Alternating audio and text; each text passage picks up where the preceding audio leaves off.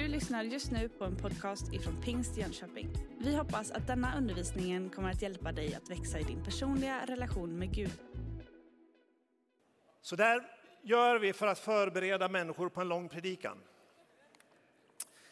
Det ska inte bli så där långt. Jag ska försöka vara kulturanpassad till den svenska kulturen idag. Hörrni, jättetrevligt att få möta er alla. Jag har sett fram emot detta, att få möta församlingen, församlingen här i Jönköping. Och eh, jag har också sett fram emot att få predika. Det är lite konstigt, för det, det är så dubbla känslor. Det är en vånda, det är en kamp. Men när man känner att man har någonting att säga så känns det roligt. Och jag tror jag har någonting att säga idag. Om inte annat så kommer jag bli välsignad. Vi ska läsa från Lukas 5. Lukas det femte kapitlet och vi börjar från den första versen där. En gång stod Jesus vid Genesarets sjö och folket trängde sig in på honom för att få höra Guds ord. Då såg han två båtar ligga vid stranden. De som fiskade hade lämnat dem och höll på att skölja näten. Jesus steg i en av båtarna, den som tillhörde Simon, och bad honom lägga ut lite från land. Sedan satte han sig och undervisade folket från båten. När han hade slutat tala sa han till Simon, gå ut på djupet och lägg ut era nät till fångst. Simon svarade, Mästare, vi har arbetat hela natten och inte fått något. Men på ditt ord ska jag lägga ut näten. Det gjorde så, och det fick så mycket fisk att näten höll på att brista. Då vinkade åt, det åt sina vänner i den andra båten att komma och hjälpa dem.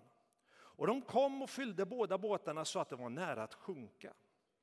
När Simon Petrus såg detta föll han ner vid Jesu knän och sade Gå bort från mig, Herre, jag är en syndig människa. Han och alla som var med honom hade gripits av bävan inför fångsten de hade fått.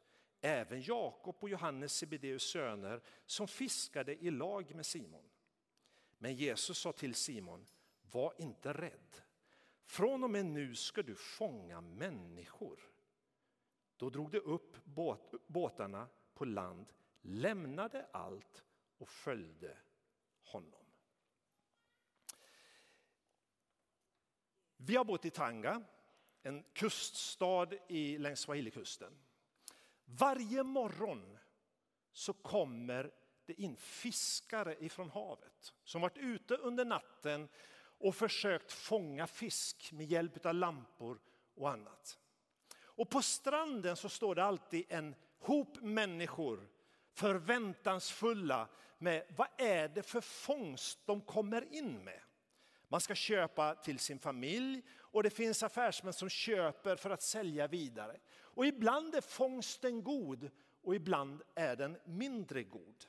Det där det är en vardag, det där händer varje dag, året runt. Och jag tänker att den situation som vi dyker in i i den här berättelsen, det är i ett vardagligt sammanhang. Människor lever på sina liv. Liksom. Det bara löper på. Alla har sina sysslor. Och Petrus och hans kompisar, de var de som höll på att fiska. Och för Petrus och hans vänner så är ju arbetsdagen eller natten snart slut.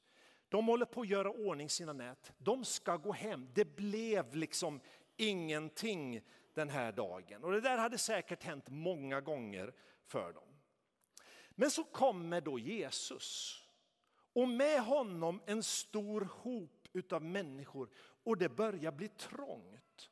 Och i den här vardagen så dyker liksom Jesus in och helt plötsligt så sätter han sig i Petrus båt och ber honom skicka ut båten. Eller jag tror att Petrus klev i båten tillsammans med Jesus. För han, han var ju tvungen liksom att hålla reda på den där båten under tiden som Jesus satt i båten. Och de åker ut en bit och så börjar Jesus undervisa.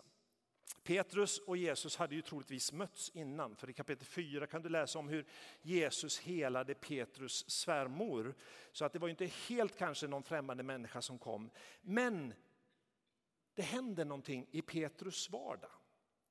Och så börjar Jesus undervisa. Och han riktar sig till folket och jag vet inte hur lång tid han håller på. Men det kan ju hända att timmarna går. Och sen när han har avslutat så vänder han sig till Petrus. Och liksom skiftar fokus från gruppen och till den enskilde individen. Petrus och hans vardag, hans vardag där han inte fått någonting ifrån sitt fiskeri. Och så säger han till honom, gå ut på djupet och lägg ut era nät till fångst. Och jag tänker så här, det står inte i, i Bibeln liksom att Petrus hade bett om hjälp. Och jag tror inte Petrus hade bett om hjälp för Jesus han var en snickare, Petrus var en fiskare. Det är inte kanske en snickare man ber om hjälp om för att få hjälp med sitt fiskeri. Och Petrus han hade sysslat med fiske hela sin barndom. Han visste vad som krävdes för att få fisk i Galileiska sjön där. Men så är det någonting med den här uppmaningen som ändå får igång Petrus på något sätt. Det han tänker ju kanske så här, först lite provocerad utav, utav uppmaningen från Jesus att ja, men jag vet vad jag gör. Eller det är inte så att jag inte har försökt. Det är inte så att jag inte har erfarenhet. Du är snickare, jag är fiskare. Vad har du att säga i det här sammanhanget? Eller vem är du att kliva in i mitt liv och komma med en massa råd här? Men någonstans så är det ju någonting som har triggat honom till att ändå lyssna till den här uppmaningen. Mästare, vi har arbetat hela natten och inte fått något. Men på ditt ord ska jag lägga ut näten. När jag suttit med den här berättelsen, när jag suttit med den här texten så har det fötts en bön i mitt eget liv och jag tror att det är en viktig bön för oss alla att fundera över. Och den är så här, Gud hjälp mig att lyda dig även när jag inte förstår. Gud hjälp mig att lyda dig även när jag inte förstår. För Petrus han valde att lyda utan att veta vad som skulle hända. Jag begriper inte men du har sagt därför lyder jag. Petrus i min tanke har suttit med Jesus i båten. Han har ju hört undervisningen. Och Lukas berättar ju inte vad Jesus undervisade om. Men går man till Markus och Matteus så finns den berättelsen när Jesus sätter sig i en båt och undervisar från båten. Det skulle kunna vara samma tillfälle. Och då står det att Jesus talade i liknelser om Guds rike. Och han, kanske, han talade om fröet som planteras, som växer och ger skörd. Han talade om det lilla senapskornet som växer och blir ett träd och ger skugga till himlens fåglar. Och han beskriver det här Gudsriket eller himmelriket som något som expanderar, någonting som, som utökas, någonting som ger välsignelse. Och jag tänker någonstans så fångade Petrus upp något av de här orden och det landade i hans hjärta så han sa, ja men det där skulle jag vilja vara del av. Så på ditt ord så lägger jag ut näten. Att gå på Guds ord handlar inte i första hand om att förstå. Det handlar om tro. Det handlar om att sätta sin tillit till Jesu ord. Så det är ju så att vi måste kanske inte förstå Jesus helt och fullt för att kunna lyda honom helt och fullt. Vid det jag tänker så här, det finns en tid att lägga ut näten även om vi redan har försökt. Det finns någonting i det där med att testa en gång till. Vi är glada att vi får samlas igen som församling. På något sätt så, så uppskattar vi det och det är, det är någon form av nystart. Samhället öppnas upp. Och någonstans så kan man känna så här att ja, fantastiskt, men åh, orkar jag? Och jag skulle vilja ge den här uppmaningen. lägg ut näten på nytt. Både till oss som församling, men till dig som enskild person. Våga lita på Herrens ord. Våga gå ett varv till. Våga ta, det, ta, ta upp liksom den här uppmaningen att testa en gång till. För på ditt ord, Jesus, det handlar om att sätta sin tillit till honom. Det handlar om att sätta sin förtröstan till honom. I Ordsboksboken 3 så står det så här från femte versen. Förtrösta på Herren av hela ditt hjärta. Förlita dig inte på ditt förstånd. Räkna med honom på alla dina vägar så ska han jämna dina stigar. När jag läste det så föddes den andra bönen i mitt hjärta. Och den går så här, Gud hjälp mig att släppa taget om det som jag förtröstar på som inte har med dig att göra. Det här ordet förtrösta som vi läste, tittar man upp grundordet där så har det att göra med att klänga fast vid eller omfamna, liksom, att ta tag om någonting. Förtrösta på Herren av hela ditt hjärta, förlita dig inte på ditt förstånd. Och så mycket förstår jag, jag har inte hängt i någon sån här livlina någon gång på ett väldigt farligt sätt, men jag vet, ska jag kunna hänga fast vid någonting så kan jag inte hänga fast vid något annat samtidigt. Jag måste liksom släppa taget om det där för att kunna ta tag i det som verkligen kan rädda mig. Och Guds ord säger förtrösta på Herren. Alltså det där vi ska hålla fast. Inte vid vår egen förmåga, inte vid vår kunskap, inte vid våra planer, inte vid vår erfarenhet, inte vid vår position. Håll fast om Herren och hans löften. Håll fast vid Guds godhet. Håll fast vid hans sanning, håll fast vid hans ord, håll fast vid hans barmhärtighet, håll fast vid hans omsorg, hans nåd, hans kraft. För det är ju så att hans löften, de gäller även när jag inte förstår. Och han är god även när jag inte känner det. Och han är sanning även om jag inte begriper det. Han är barmhärtig även om jag inte upplever det. Hans nåd finns där även om jag tycker illa om mig själv.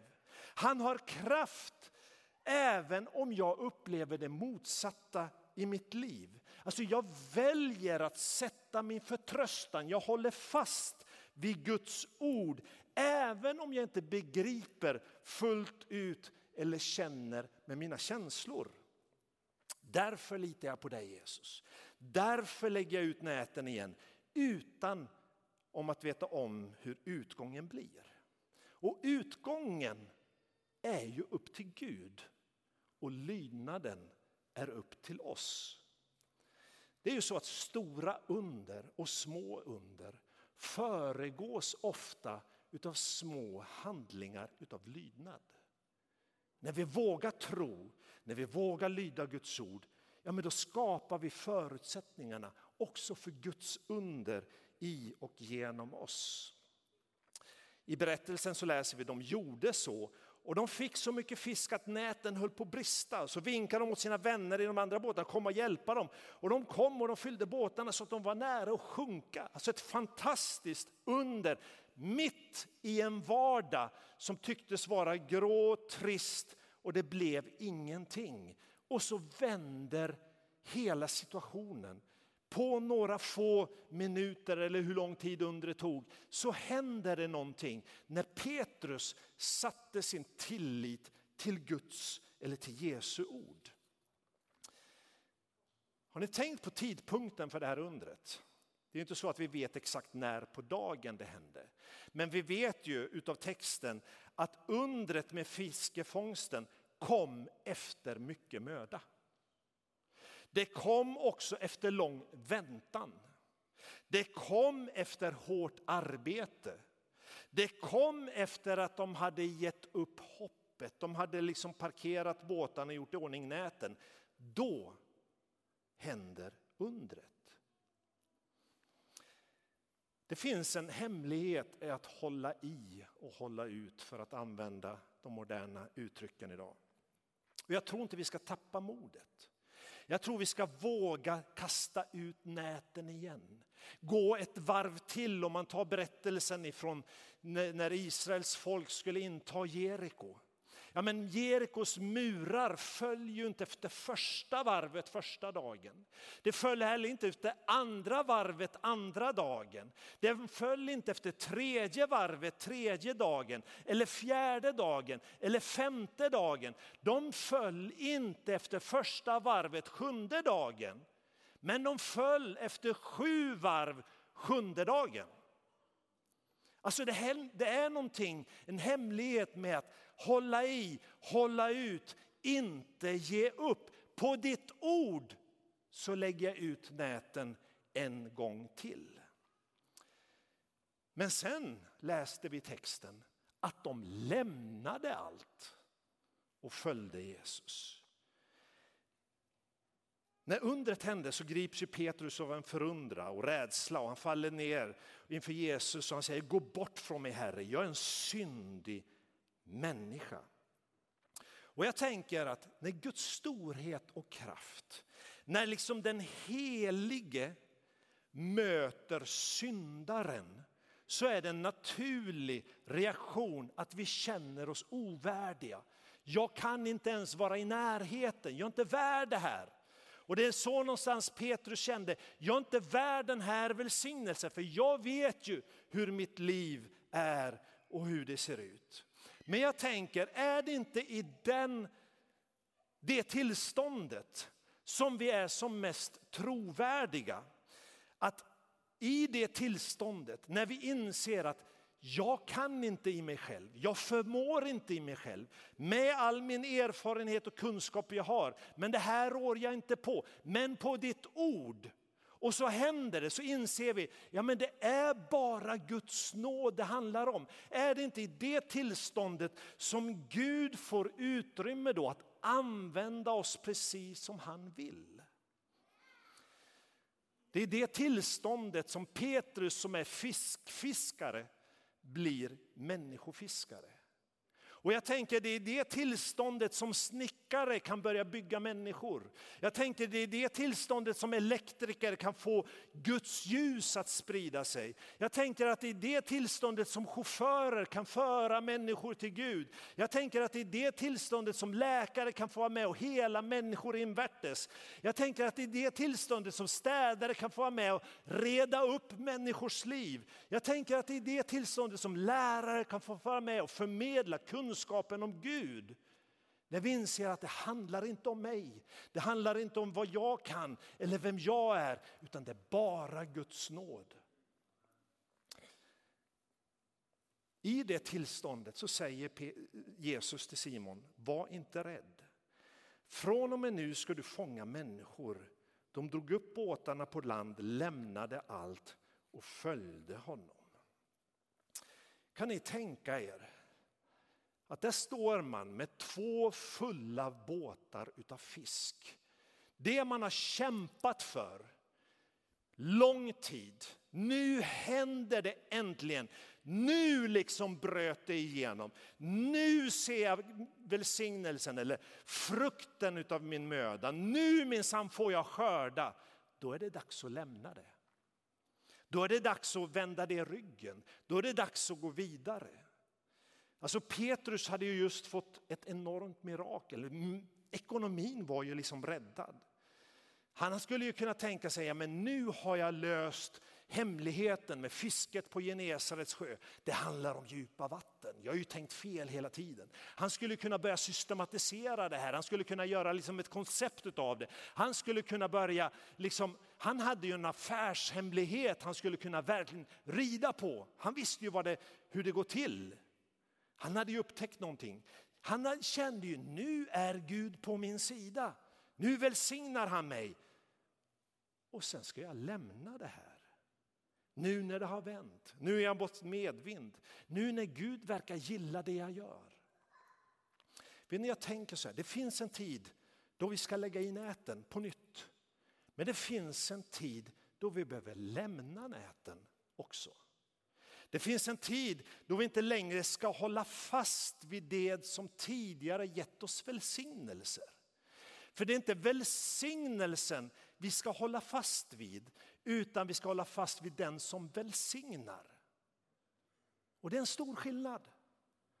Det är inte fisken som jag ska sätta mitt fokus på, utan det är han som gav mig fisken. Det är Jesus det handlar om. Så det första Petrus gör, det är ju att sänka näten på, Guds, på Jesu uppmaning och låta Gud få använda det han har. Men sen blir nästa steg att lämna det där, släppa taget om det han har förlitat sig på och börja en ny livsresa tillsammans med Jesus. Och så börjar hans vandring tillsammans med Jesus. Så han får ju se enorma, förunderliga mirakler. Han får ju se döda som uppstår, han ser lama som går, blinda som ser, stumma som talar, besatta som blir befriade, stormar som stillas, hungriga som mättas. Han får se Guds rike som han hörde talas om i båten. Får han se gestaltas bland människor. Och det där lever han med. Han kommer ju till insikt om att Jesus är Messias, den levande Gudens son. Och han blir en av de tre lärjungarna som följer Jesus väldigt nära. Han får ta del av Jesu undervisning i både ord och handling. Han får se hans förhållningssätt gentemot syndare och marginaliserade människor. Han får se hans tydlighet mot förtryckare och maktmissbrukare. Han får ju se livet med Jesus från insidan. Han får se när Jesus rider in i triumf i Jerusalem. Men han är också med när Jesus upplever smärta och ångest i ett semane.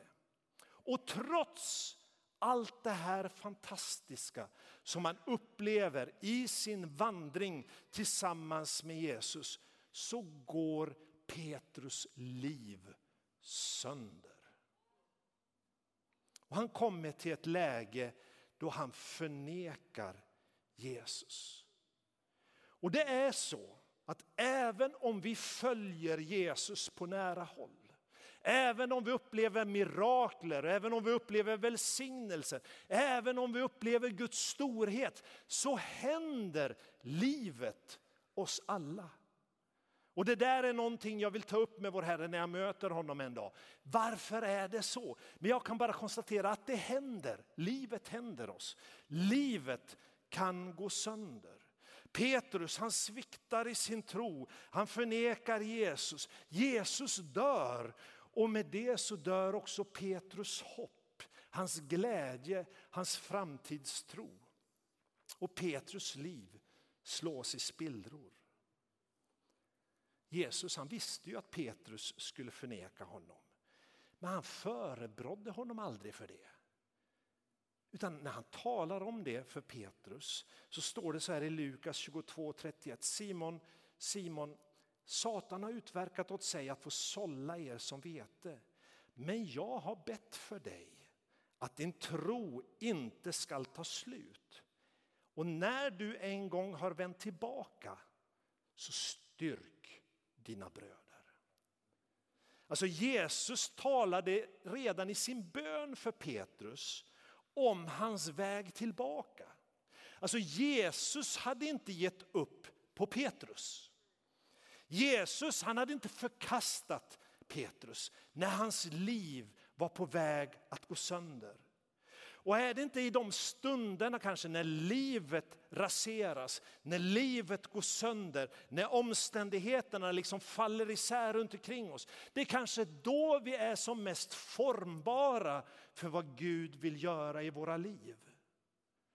Men vet du, Jesus han ber även för oss. Han bad inte bara för Petrus. När Paulus skriver i Romarbrevet 8 och 33 så skriver han så här. Vem kan anklaga Guds utvalda? Gud han frikänner. Vem kan då fälla?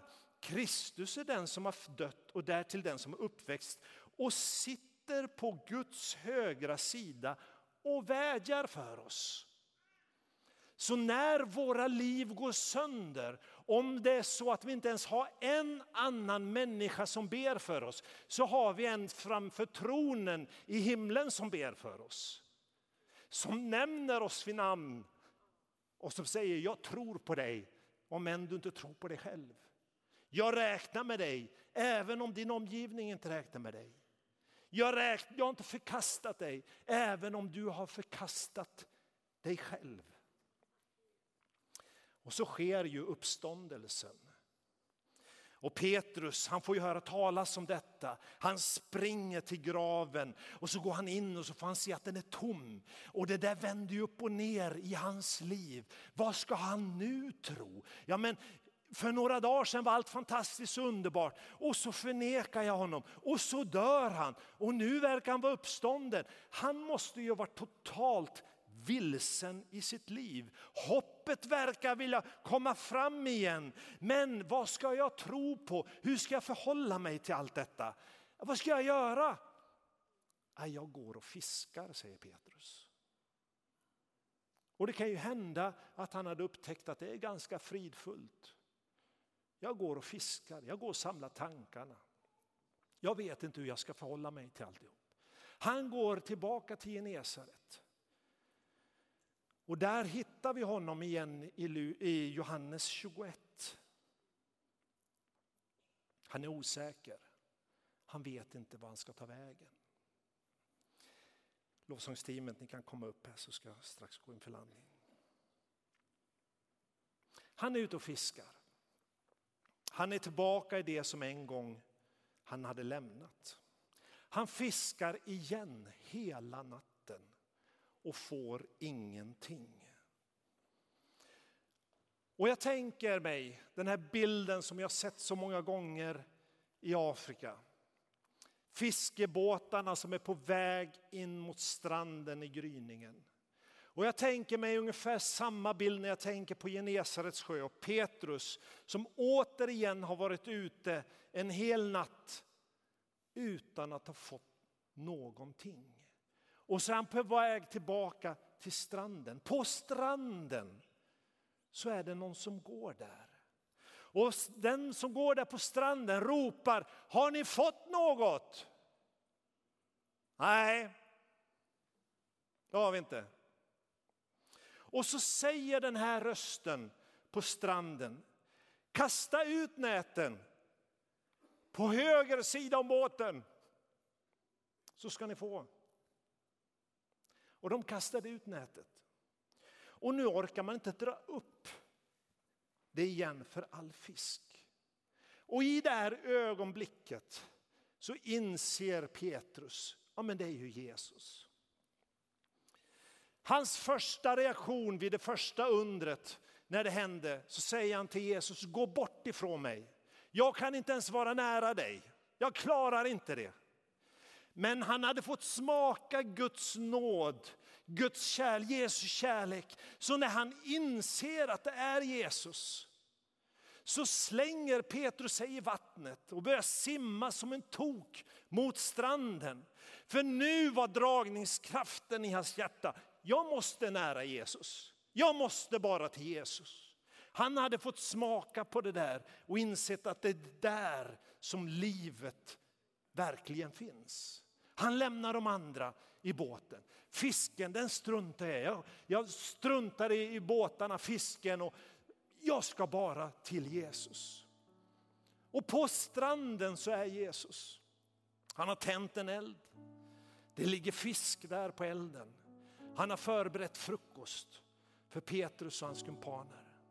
Men så är det något märkligt. Han säger, gå och hämta utan den andra fisken också. Den som ni har fått. Och det är ju märkligt för han hade ju redan fisk. Men jag tänker så här, nu Petrus, återigen, allt det du är, allt det du har, allt som är du, hela ditt liv. Nu för vi det tillsammans och så börjar vi om igen. Så även det du nu har, ta med det. Så delar vi på det. Och så börjar vi om igen tillsammans. Och där föds ytterligare en bön i mitt liv. Gud, en gång till. Jag vill se en gång till din kraft. Jag vill se en gång till dina under. Jag vill uppleva en gång till din storhet i mitt liv. Och jag tänker att det har Jesus möjlighet att göra med oss idag. För vi lever liksom inte på historiens välsignelser.